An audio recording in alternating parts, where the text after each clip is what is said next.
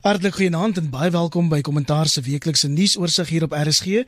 Vanaand kyk ons na die jongste misdaadsyfers, die drama met FBS, Julius Malema en die media, asook Gladie Motsoeneng se verskyning voor die Zondo-kommissie. Ons praat ook verder oor die landwyse opstand teen geslagsgebaseerde geweld, asook president Cyril Ramaphosa wat 'n spesiale sitting van die parlement daaroor geroep het. En ons kyk ook na hoofregter Mogoeng Mogoeng wat sy stem dik maak teen aanvalle op die regbank. Hier by my in die ateljee is professor Erwin Swela van die skool vir sosiale innovasie by Genote College. Nancy Erwin. Goeienaand, Iwer. Op die lyn is Christo van der Rede, hy is die adjunk uitvoerende direkteur van Agri SA en ook 'n onafhanklike politieke kommentator. Nancy Christo. Goeienaand, Iwer, goeienaand aan jou luisteraars en ook goeienaand aan my ou prof. Eh, professor Swela, of is dit nou professor Johannes Johannes Vroneman, ook 'n onafhanklike kommentator wat vanaand saampraat. Nancy Johannes. Goeienaand aan almal.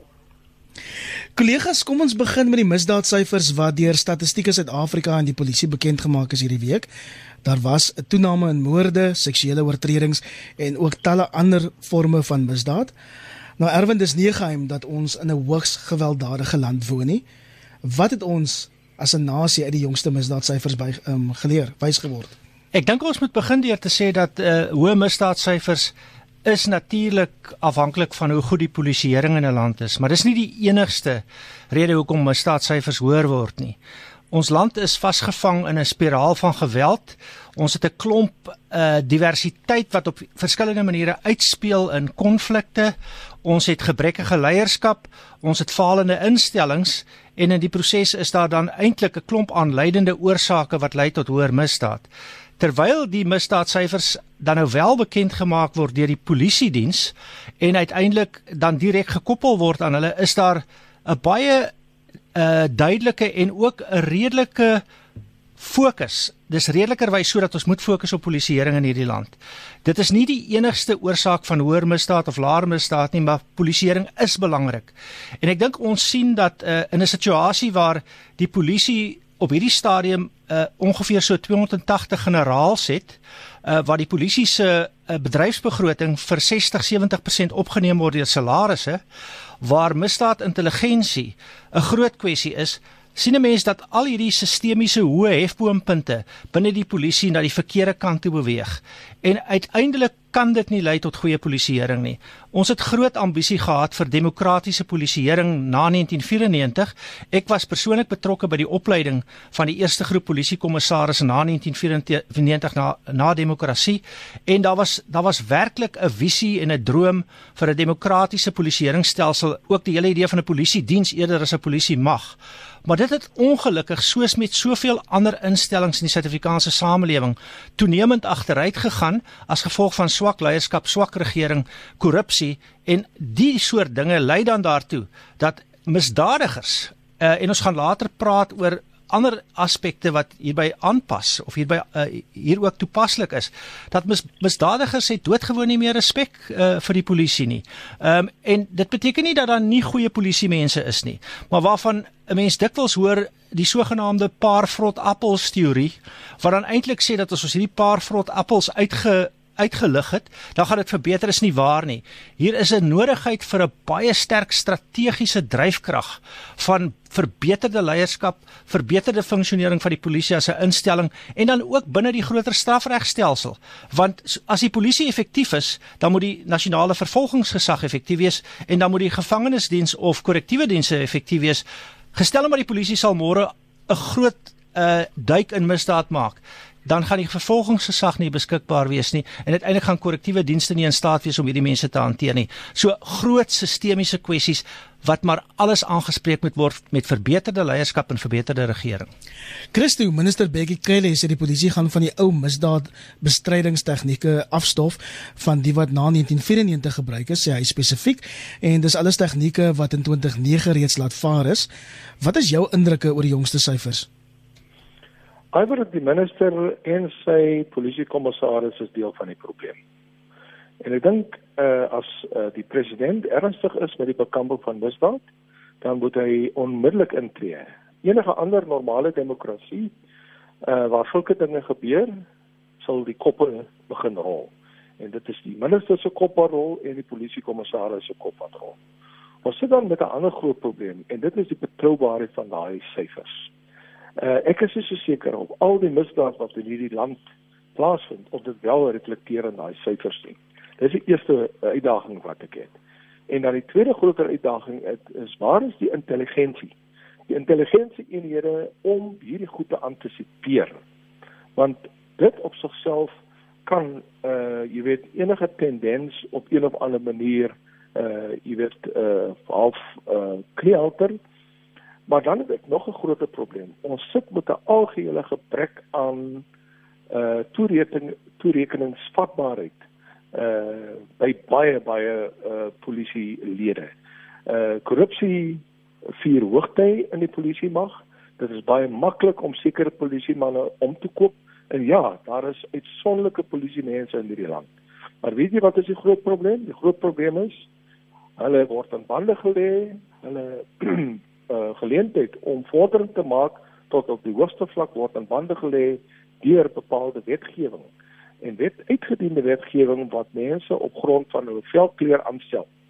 En dit is waarom ons dan sit met mense in die hoër echelons van die polisie mag wat nie oor die kapasiteit beskik nie. Hulle velkleur is reg, maar hulle beskik nie oor die kapasiteit nie.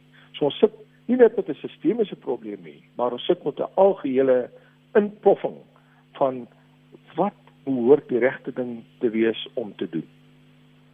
Hierdie inploffing Johannes is 'n baie moeilike situasie want ons as 'n nasie verwag nou van die polisie om ons uit hierdie gemors te kry want wie anders moet dit nou doen? Hierdie polisie en die regering volgens jou enige konkrete planne om dit te kan doen? Wel, ek het die Sunday Times net weer deur gegaan en die kommissaris van polisie vertel daar wat hy wil alles wil doen. Hy sê hulle het planne. Van die planne is seker uitskillende idees soos 'n uh, uh, meer uh, sigbare polisieering. Ehm uh, ek verbeel my dis nou al 20 jaar lank deel van die plan. Maar ek wil nie te krities klink op die polisie nie. Ek dink my kollegas het uh, geldige punte nou reeds genoem. Ek wil uh, wel een baie spesifieke punt maak uh oor die polisie uh oor die statistieke en dit is uh, spesifiek die moordsyfer wat alweer opgegaan het nou in die 20000 in en dit was 'n tyd gekloop uh, jaar gelede 28 en dit is afgekom na 18 toe wat nog steeds baie hoog is maar uh, dit het nou weer opgekruip maar ek wil net daarom die punt maak en dit is dat die meeste moorde en dit weet ons eintlik almal die punt maak dat die meeste moorde en baie van hierdie ander geweldsmisdade vind binne gesins en familie en vriendekring konteks plaas. En dit is gewoon onmoontlik vir die polisie om iets daarin te doen. So ek dink um, ons moet besef dat eh uh, maak die saak al verdubbel jy al verdrietel jy die polisie sekere dinge gaan nog steeds gebeur. So wat ons eintlik sien by die misdaadstatistieke is 'n bietjie van 'n spieël van 'n van 'n van 'n land, van 'n bevolking, van mense wat in 'n verskriklike toestand is. En as ons dit sien, dan traumatiseer dit ons net weer eens, want selfs diegene wat nie direk uh geraak is deur misdaad nie, as daar hoegenaamd so iemand is, maar wat nie direk geraak is daardeur nie, word ek dink net verder nog getraumatiseer en moedeloos gemaak, want die situasie is net absoluut onaanvaarbaar. Erwin, dit word toenemend te speel waar 'n mens nie wil kyk nie. Ja, dit is so ek dink wat ons sien uh, soos Johannes nou ook gesê het is dat ons sien eintlik hier dat die polisie se DNA as 'n deel van ons samelewing eintlik by ons samelewing se DNA ook weer speel. Uh en in die proses vind ons dat daar is nou allerlei sogenaamde nuwe strategieë. Uh ons weet byvoorbeeld dat uh, uh rondom landelike veiligheid uh, uh is daar op 'n stadium ge, die idee gewees van van landelike polisieering. Ehm uh, dit wil sê in die plattelandse gebiede een van die dinge wat uh, sistematies in die vorige bedeling nie nie die die heel vorige bedeling nie, maar die onlangse vorige bedeling afgebreek is is al die spesialiseenhede. En waarna nou verwys word is eintlik die herinstel van hierdie spesialiseenhede, die die ou eenhede teen bende geweld, die eenhede wat spesifiek gefokus het op op uh, die idee van ehm um, moord en en geweldsmisdade. Die dilemma is natuurlik dat al hierdie goed en ook meer voete op die grond. Al hierdie goed is al van tevore aangekondig. Verlede jaar het die minister selfs gesê dat as dit nou nie in 'n jaar se tyd beter gaan nie, sal daar aanspreeklikheid wees, maar daar volg geen aanspreeklikheid nie. En die implikasie is ons kan maar verwag dat volgende jaar, tensy die syfers gekook word, gaan die misdaadsyfer hoër wees. Ehm um, so dit is eintlik 'n baie baie traumatiese situasie vir ons om in te wees en ek dink ons sien onsself deur 'n spieël en uiteindelik gaan dit daaroor dat ons moet regtig op alle vlakke van die samelewing goeie regering ons moet terugbring goeie publieke leierskap en ons moet uiteindelik ook na onsself gaan kyk. Uh tot watter mate het ons 'n ethos van wetsgehoorsaamheid in steede van 'n ethos van wetteloosheid? En dit gaan ons begin help. Maar daarvoor het ons leierskap en sigbare leierskap nodig en ek sien dit nie. Christo, ek weet elke misdaad behoort met afkeer beheer te word, maar die Saturday Star sê ons moet ook fokus op spesifiek 786 mense wat in die afgelope jaar in vigilante aanvalle doodgemaak is, meestal deur gemeenskappe wat die reg in eie hande geneem het. Is dit nie simptomaties van gemeenskappe wat eenvoudig nie meer die polisie en ons regstelsel vertrou om met misdadigers af te reken nie? Is dit nie uh, deel van die probleem wat net uitkring nie? Absoluut. Kyk, daar's geen regverdiging vir iemand om die wet in eie hande te neem nie. En ons mag dit nie toelaat nie. Anders het jy totale anargisme in hierdie land. Maar alhoewel wat ek wil beklemtoon is dat die polisie weet waar kom die misdaad voor. Hulle weet Kailicha is 'n brandpunt. Hulle weet uh, baie van ons townships is groot brandpunte. Hulle weet dat plaasmoorde is 'n probleem in sekere gebiede. Hulle weet dat sekere gebiede is daar hoë vlakke van bendebedrywighede. Hulle weet wie is die dwelmsmokkelaars in hierdie land. Want al hierdie tipe van uh jy weet uh uh goed dra by tot hoër vlakke van misdaad. En onthou nou, baie uh vrouens gaan meld uh uh jy weet enige vorm van mishandeling gaan meld hulle aan by die polisie. My vraag is net dit As die polisie al oor al hierdie inligting beskik, waarom word daar nie opgetree nie? Maar dit bring my by 'n ander punt. However, ons sit met ons gemeenskappe. Ons gemeenskappe is uiters getraumatiseer. En ek wil graag vanaand 'n beroep doen dat die kerke, die skole, ons as uh mense wat bepaalde leiersposisies bekleë, dat ons baie baie meer moet doen om ons gemeenskappe uh jy weet stabiliteit binne daai gemeenskappe teweeg te bring en gesonde gemeenskappe te kweek. Elke onderwyser, elke polisieman, elke predikant, elke besigheidsleier sou hand in eie boesem moet steek en sê maar wat doen ek om 'n uh, kultuur van 'n uh, uh, misdaadvrye omgewing te help teweegbring binne my uh, gebied waar ek werksaam is. Intussen het president Cyril Ramaphosa gesamentlike sitting van die parlement en die nasionale raad van provinsies byeengeroep om die krisis met geslagsgebaseerde geweld te bespreek. Johannes, wat kan ons by Woensdag se sitting verwag? Nie veel nie, ongelukkig. Ek dink dit is 'n simbolies belangrike ding en uh jy weet president Ramaphosa kry veel reg op hom. Dit moet so hy kan ten minste die parlement byeenroep. So ja, ek dink dit is reg dat hy dit gedoen het en dan moet oor gepraat word. Maar die probleem is morele waardes, ehm um, gees van omgee, respek en daai dinge, nog van die dinge wat in 'n pas ook genoem is, dit gaan nie reggestel word deur 'n parlementsitting nie. Wat wel waar is is daar dat die parlement met leiding gee, ehm um, merkste vrees en nog nog toesprake en selfs nuwe wette gaan nie die verskil maak nie. Erwin, dit klink beslis of die president allerhande um, nuwe wetgewing na die tafel wil bring, onder meer um, nuwe wette oor die nasionale register vir seksuele oortreders. Het ons nog wetgewing nodig? Ek dink ons het bepaal hier eintlik 'n vergelykbare kwessie as die waaroor ons reeds gepraat het. Ek dink ons moet gaan kyk na die basiese struktuur en kultuur in ons samelewing.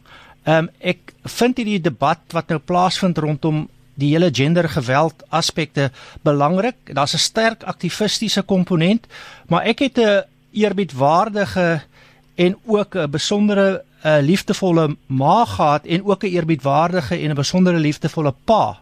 En hulle het eintlik vir my eintlik die basiese dinge geleer. En een van die dinge, dit is dit is een van daai lesse, jy lig nie jou hand vir 'n vrou op nie. Nou, ek vra myself die vraag af, ehm um, as my vader en moeder beide eerbiedwaardig, beide liefdevol, daai basiese dinge vir ons aangeleer het, dan is dit iets wat terug moet kom om te sê um, in my geval ek is nou 'n man, maar jy lig nie eintlik jou hand op vir enige iemand nie. En ek dink ons moet terugkom na hierdie soort van ethos in ons samelewing En al die samelewingsinstellings, dit wil sê die instellings van die gesin, die instellings van eh, die uh, geloofsgebaseerde organisasies, die opvoedkundige instellings, moet hierdie goed opneem en ons sal eintlik moet begin om mense in die verband amper weer op te voed of herop te voed. Laat ek miskien ook net dit sê dat ek dink op hierdie stadium ehm um, gaan verdere wetgewing nie veel help nie. Ehm um, en ek wil ook sê dat ons sal moet gaan kyk dat die debat nie totaal emosioneel raak en uiteindelik dan juist die gevolge kry. As jy mans uh, wat op 'n bepaalde manier optree, gaan etiket etiketeer soos nou ook wel plaasvind as 'n uh, all men are trash, dan dink ek kan jy 'n uh, 'n uh, reaksie verwag wat uiteindelik nie die die die goeie gesindhede gaan bevorder nie. Ek het wat dit betref ook 'n stukkie common sense logic en ons weet mos nou dat common sense is not so common anymore. En dit is as jy geweld praat en saai gaan jy ook geweld kry. So ek dink ons moet die debat op 'n volwasse, deurdagte en ordentlike manier doen en terug my my pa en my ma was eerbiedwaardige en liefdevolle mense en ek dink dis op 'n manier waarna ons moet terugkom oor die hele spektrum. Ek hoor wat jy sê, maar aan die ander kant moet ons vir mekaar ook sê, mans is 'n probleem. Ons het dit ook verlede week op kommentaar gesê en die Instituut vir Sekuriteitsstudies se syfers wys hierdie week ehm um, duidelik dat die meeste moorde byvoorbeeld oor naweke plaasvind en dat jong mans ook daarbey betrek word, jong mans wat drank misbruik. Ons weet ook dat mans grootliks vir die hoë vlakke van seksuele geweld verantwoordelik is. Christo, as ek dit sou kan vra, wat is dan fout met Suid-Afrikaanse mans? Hey, I was this dis dis ek dink dit diep gewortelde probleme in ons gemeenskappe. En uh hierdie ding het 'n lang historiese aanloop. En die groot groter uitdaging is dat as jy nie mense op een of ander wyse vinnig genoeg straf en dat daai straf dien ooreenkomstig uh, toepaslik is vir die uh optrede wat uh enige iemand anders skade aan doen dan het jy 'n sneeubal effek. Ons sal op een of ander manier 'n zero toleransie beleid moet begin toepas. Mense moet dit aan hulle bas kan voel. Mense moet weet maar as ek dit doen, gaan ek daarop eindig. Nou ek weet in sommige gevalle is dit nie moontlik nie. Want wat maak jy as iemand net sy geweer optel en dit is sy hele gesin uit? So iewers is daar iets baie baie diep uh, en psigies uh, verkeerd of loop iets uh, jy weet verkeerd in iemand se kop. En uh, die my groot vraag is hoe hanteer ons dit? En dit is waarom ek sê ons het 'n kollektiewe benadering nodig. Ons het jy weet 'n omvattende omvattende benadering nodig. Jy het so kinders nodig jy het sosiale werkers nodig. Jy het 'n totaal opvoedingsstelsel nodig om hierdie kultuur aan die einde van die dag te verander. Maar daarmee saam moet jy ook mense uh jy weet hulle moet weet daar is sekere strawwe wat toegepas gaan word en dat hulle gaan boet vir hulle misdade wat hulle pleeg teenoor enige iemand en veral vroue en kinders. En buite die kollektiewe benadering het ons seker ook politieke leierskap nodig Johannes. Is ja, meneer Ramaphosa die regte leier om hierdie probleme in die land te help regryk? Ek sien Tim Du Plessis skryf vandag 'n rapport. Hy sê ja, daar is 'n hele inventaris van regmerkies vir die president, maar dit vul nie die politieke vakuum wat tans heers nie. Jou reaksie? Ja. Ja, absoluut. jy weet uh, dit is so dit is eintlik so dit vroeër opgemerk het dit is eintlik 'n maklike roep geweest. Dit is nie eintlik seker implikasies nie en hy gaan tot mense gaan sê dit is nou die goeie en die regte ding om te doen.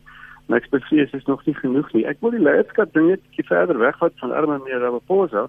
Kyk is dan nou beter as sy voorganger ons weet wat hy gedraai in die hof met uh, met uh, met 'n saak uh, of twee. Um, ek dink wel dat op skole colleges universiteite maar ook in besighede, jy weet die mense het te draai gemaak by die Johannesburgse effektebees uh, tereg ook uh, so van simbolies om vir die sakewêreld te gaan sê jy weet uh, leierskap moet uh, op alle vlakke en in alle uh, plekke ehm um, na vore tree om die kwessie van ehm um, um, optrede teen teen vroue geweldsmisdaad op te slaan. Nou natuurlik gaan niemand sê dit is reg nie. Niemand gaan sê, almal gaan sê ja, natuurlik is ons daar teen. My probleem lê op baie laer vlak. Dit is wanneer ek by gewone mense om 'n rugbyveld hoor wat simpel seksistiese grappies maak. Ou flou grappies. Ou opmerkingies oor mans en vroue. Jy weet, dit is so ingeburger in die Afrikaanse gemeenskap wat ek in in in in woon. en ek vermoed dis elders ook so dat ons moet dit nie gaan soek op 'n vreeslike hoë vlak nie. Ons moet dit nie altyd daar gaan soek waar jy dit die vinger na ander mense kan wys nie. Maar ek dink die uitdaging gaan wees is vir gewone mense soos soos ek en jy. Daar waar ons gewoon om die braaivleisvuur staan of of of op 'n ander plek, net op 'n gewone plek om net gewoon die voet dwars te sit en sê nee, dis nonsens daai. Moenie so praat nie. Moenie eens 'n grap maak so nie, want die grappies ondersteun 'n bepaalde ingesteldheid.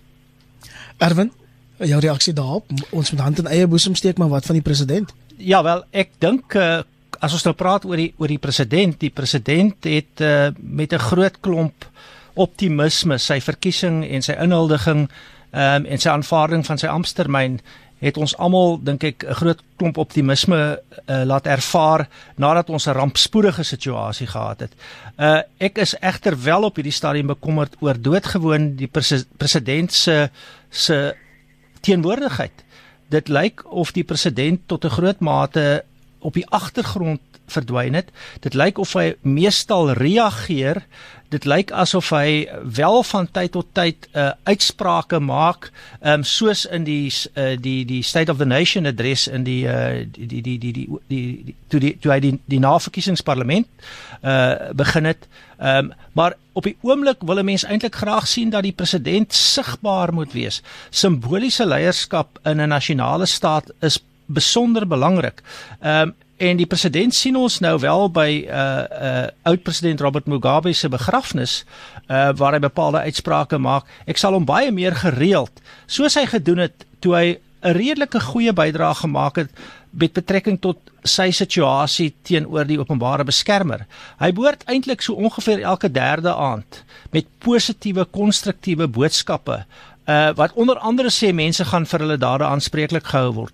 Wat onder andere sê dat ons gaan 'n nuwe samelewing hier stel wat uiteindelik werk met 'n bepaalde ethos waar ons mekaar respekteer hy behoort eintlik baie meer sigbaar in daai leierskaps in daai simboliese leierskapsrol te wees. En ek dink ehm um, ek kry die vermoede dat hy dat hy met soveel probleme gekonfronteer is binne sy party, binne 'n aantal ander instellings dat hy uiteindelik net nie by daai rol uitkom nie en dit is dit is uiters belangrik. Die president is almal se president en hy moet daai optredes beginne uh, baie definitief aanspreek en uiteindelik simboliese leierskap ook gee, maar ook werklike leierskap. Christo meneer Ramaphosa het wel laat weet dat hy nie hierdie week die VN vergadering in New York gaan bywoon nie weens al die klomp krisisse by die huis waarin hy sê hy wil aandag gee. Jou reaksie op die president se leierskap? Ja, ek stem saam met prof uh, Shwala. Ek dink eh uh, uh, ek is uh, een uiters teleeggestel in die in die president se uh, rol wat hy tot op hede vertolk het veral wat die xenofobiese aanvalle aanbetref. Ek dink hy het hopeloos te laat gereageer en ook uh, wat sy rol aan betref ten opsigte van hierdie uh, geslagsgeweld teenoor vroue en kinders. Ek dink hy moet uh, sy reg begin styf maak en hy moet nie toelaat dat sy eie uh, lede in sy party die eh uh, eh uh, Magashula's van die wêreld en ook enige ander eh uh, minister eh uh, jy weet hierdie goed eh uh, versuursuiker oor oor oorstrooi nie. Eh uh, noem die goed by sy naam. Eh uh, jy weet tot op hede ontken hulle dat hierdie aanvalle uh, nie xenofobies gedrewe is nie. Wie is besig om wie te flous? Eh uh, en dan ook jy weet allerlei ander uitsprake wat soveel verwarring veroorsaak. Hulle is net besig om hulle eie politieke bas te red. Hulle moet begin standpunt inneem, die goed by die naam noem en as jy begin erken dat daar sekere foute in die land is, dan kan jy dien oor inkomste strategie begin uitrol. Maar solank jy nog jou kop soos op ons struis in die sand druk, uh, dan hoe gaan jy ooit by die werklike oplossing uitkom? Ons beweeg nou na ander nuus hier op kommentaar en die saak rondom die EFF en beweringe met die FBS bank het hierdie week verdiep. Die Daily Maverick se Scorpio ondersoek een het nou onthul dat Julius Malema deels baat gevind het by 'n 16,1 miljoen rand wat sy party glo van FBS ontvang het. Johannes, dit laat my dink aan 'n ou Afrikaanse gedig. Daai een van die mot in die kers, die wielietjie draai al vinniger om. Ja, ja, ja. Ja, kyk, ehm um, Malema se ehm um, se terf gaan sit een van 'n tyd. Intussen tyd is hy besig om voort te gaan en teenoor joernaliste op te tree soos hy aan die verlede onthou het toe hy uitgejaag het uit sy Hy het 'n media-konferensie 'n hele paar jaar gelede en uh, mm. Bloody Agent genoem het. Jy weet dis die tipe van styl wat hy nou al handhaaf vir vir hoe lank en ook die ehm um, jy sal onthou die ehm um, fotograaf of 'n ander joernalis wat daar by die parlement ook aangerand is deur mense van die uh, van die EFF en dit is 'n styl, jy weet dit is 'n autoritaire styl, dit is 'n maak maak wat ek wil styl. Uh dink ek wat hy gaan hy doen as hy die dag president sou word. Ek behoede ons daarvan. Uh maar die feit van die saak is is dat uh, hy uh, uh ook dit op 'n manier doen en sê wat 'n deel van die ANC ook doen. Jy weet uh, in daarop se gesê glad nie uh, verskillend van uh van eis uh, Magashula en die die klas van mense nie. En dit is baie baie uh, problematies want ehm um, mens sou kon sê dat as dit nie vir die media was en 'n onafhanklike regbank nie, dan was ons al in 'n Zimbabwe situasie gewees. Jy weet dit is 'n uh, ehm um, ja, dit is amper van subsprekend, maar jy weet mens moet maar net oor en oor beklem doen dat die media se ehm um, se se rol en sy grondwetlike rol, 'n rol wat eintlik deur uh, Malema hulle dan eintlik beskem word, is absoluut krities en ek sou wil hê dat die media in die algemeen en ander politieke partye ensovoorts baie baie duidelik opstaan en vir Malema en sy trawante sê dit is onaanvaarbaar hoe hy optree. Die vraag is natuurlik wat gaan die res van die media doen as die EFF 'n uh, media konferensie hou maar hulle verbied nou sekere mense gaan hulle dit boikot of gaan hulle sê nee die EFF is te belangrik en hulle werk is om jy weet berigte lewer oor wat daar gesê word en dan gaan hulle soontoe en dan gaan Malema natuurlik geen negatiewe gevolge hê nie want hy gaan nog steeds die publisiteit kry wat hy wat hy graag uit die media uit wil hê. So dis dis nie heeltemal so maklike saak oor oor hoe mens Malema moet moet vasvat nie. Maar die feit van die saak is dat die EFF is 'n is 'n politieke party, hy hy is teenwoordig in die parlement op alle ander vlakke van die regering en uh, daar hulle verdien strenger sanksies van 'n baie breë aantal mense. Erwin, daar sal soveel beweringe teen die EFF, maar doen dit enigiets aan hulle politieke steunbasis? Nee, en dis 'n interessante ding. Ehm um, dit bekommer my dat die denkraamwerke waarbinne hierdie argumente geraam word of soos die kommunikasiekundige sê, uh waar binne dit geframe word. Met ander woorde die raamwerk wat ons hier omsit, is lyk dit my totaal verskillend vir uh bepaalde deelnemers aan daai proses. Ons praat gewoon by mekaar verby. Uh as 'n mens gaan kyk daarna dan meneer Malema is 'n lid van 'n demokraties verkose parlement wat uiteindelik funksioneer binne 'n regstaat en in terme van die Suid-Afrikaanse grondwet. Maar hy hang terselfdertyd 'n stel beginsels aan en hy bespreek dit wat 'n vorm is van demokratiese sentralisme wat eintlik maar 'n kodewoord is vir die die ou meer totalitêre kommunistiese regimes ehm um, en wat uiteindelik onderdrukkende regimes was. Maar dit word nie noodwendig deur sy kiesers gesien as 'n probleem nie. En ons moet sê dit is nie 'n groot getal kiesers wat vir die EFF gestem het nie. Ons moet dit ook sê hulle het hulle het net so onder die uh, meer as 10% gekry, maar daar is 'n baie sterk aanhang. Dit lyk net vir my asof ons sal ook 'n 'n stel gedeelde denkraamwerke en waardes moet kry waarbinne ons die, die, die debat he, het um, en en en en voer. Uh, maar dit is ook nie so uh, verskillend van wat ons sien binne die ANC nie, hierdie verskillende denkraamwerke nie. Ehm um, wat beteken dat mense hou aan om die party te steun ondanks die feit dat die dominante denkraamwerk meer en meer die regstaatlike demokratiese konstitusionele raamwerk moet word. Die ANC byvoorbeeld het die nasionale ontwikkelingsplan, maar het terselfdertyd ook die demokratiese nasionale demokratiese revolusie. En dit hang af wat jy aanbied waar. As jy dan praat binne die meer modernistiese instelling met die buitewêreld en die sakewêreld, dan het jy een stel beginsels. As jy praat op 'n ander plek, het jy 'n ander stel beginsels. Ehm um, en dit is eintlik in wese 'n 'n 'n teenstrydigheid in terme, want jy kan nie twee stelle beginsels hê nie. Maar ons sal moet gaan kyk na hoe ons 'n ooreenstemmende stel waardes kan kan formuleer wat ons ons denk, denkraamwerke sodat mense weet dat as meneer Malema optree op wyse wat die regbank bedreig, op wyse wat die de, wat die demokratiese uh uh vierde stand die media bedreig, dan moet almal eintlik konsekwente sê dit is nie in ooreenstemming met ons grondwet nie. Maar as ander definisies van demokrasie wat hier speel, die argument word so geraam en daarom word die aanspreeklikheid ook op 'n ander manier bepaal. Uh meneer Malema is die held van 'n groot klomp van sy van sy aanhangers want hy het 'n ander denkraamwerk en ons moet dit op 'n manier vir mekaar sê dit kan nie albei kante toe gaan nie. Christo, jou mening? Weet jy ehm um, Iver ons land is vasgevang in 'n kultuur van uh jy weet uh, vuil politiek. Uh ek noem dit sommer die politiek van gemeene spel. En daar's 'n baie baie sterk verband of korrelasie tussen 'n kultuur van uh vuil politiek of die politiek van gemeene spel en hierdie tipe van misdaadvlakke wat ons sien, die vlakke van korrupsie, die vlakke van disrespek teenoor mense uh daar's 'n daar's 'n o gesegde wat sê 'n vis vrot van sy kop af. Né?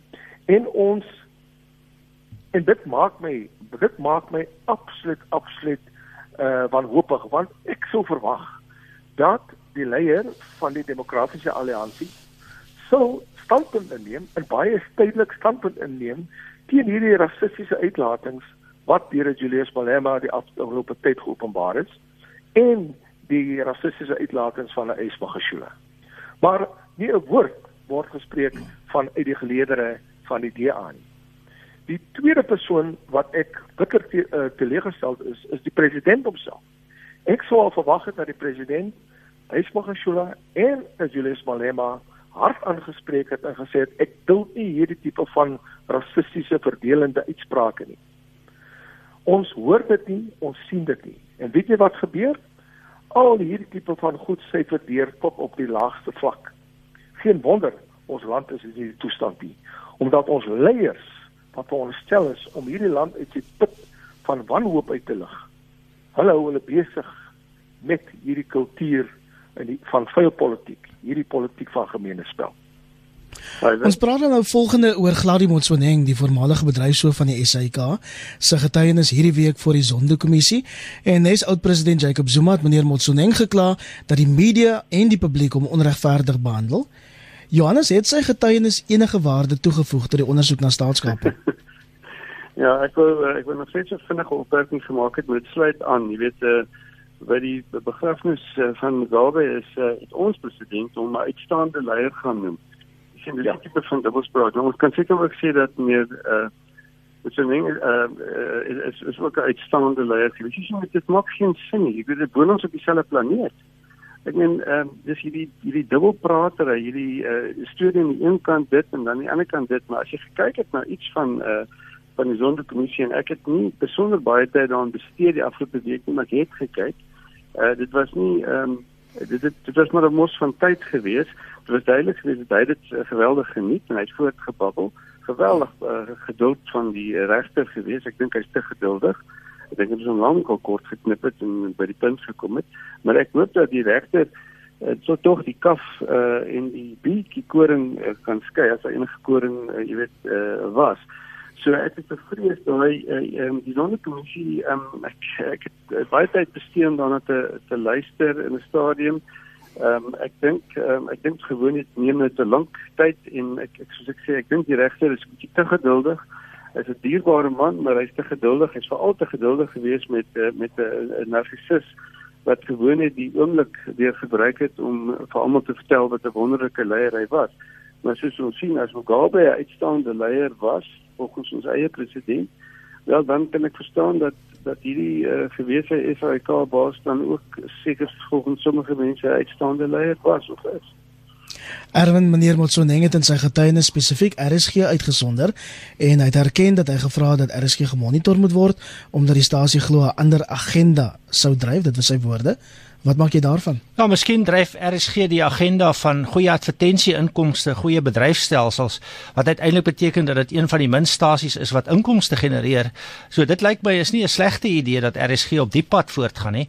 As hy egter media diversiteit wil toelaat, dan moet hy sekerlik voorsiening maak vir die demokratiese reg van mense om hulle eie taal bedien te word en RSG is uh, uit my perspektief en ek is positief ingestel teenoor RSG is 'n diverse groep mense wat hulle bes probeer om journalistieke uitnemendheid te vertoon en uiteindelik 'n baie gebalanseerde weergawe gee en op een of ander manier een van die min entiteite sake entiteite van die uh, van die SABC is wat uh, renderend is en op op 'n bydrae maak tot die tot die inkomste.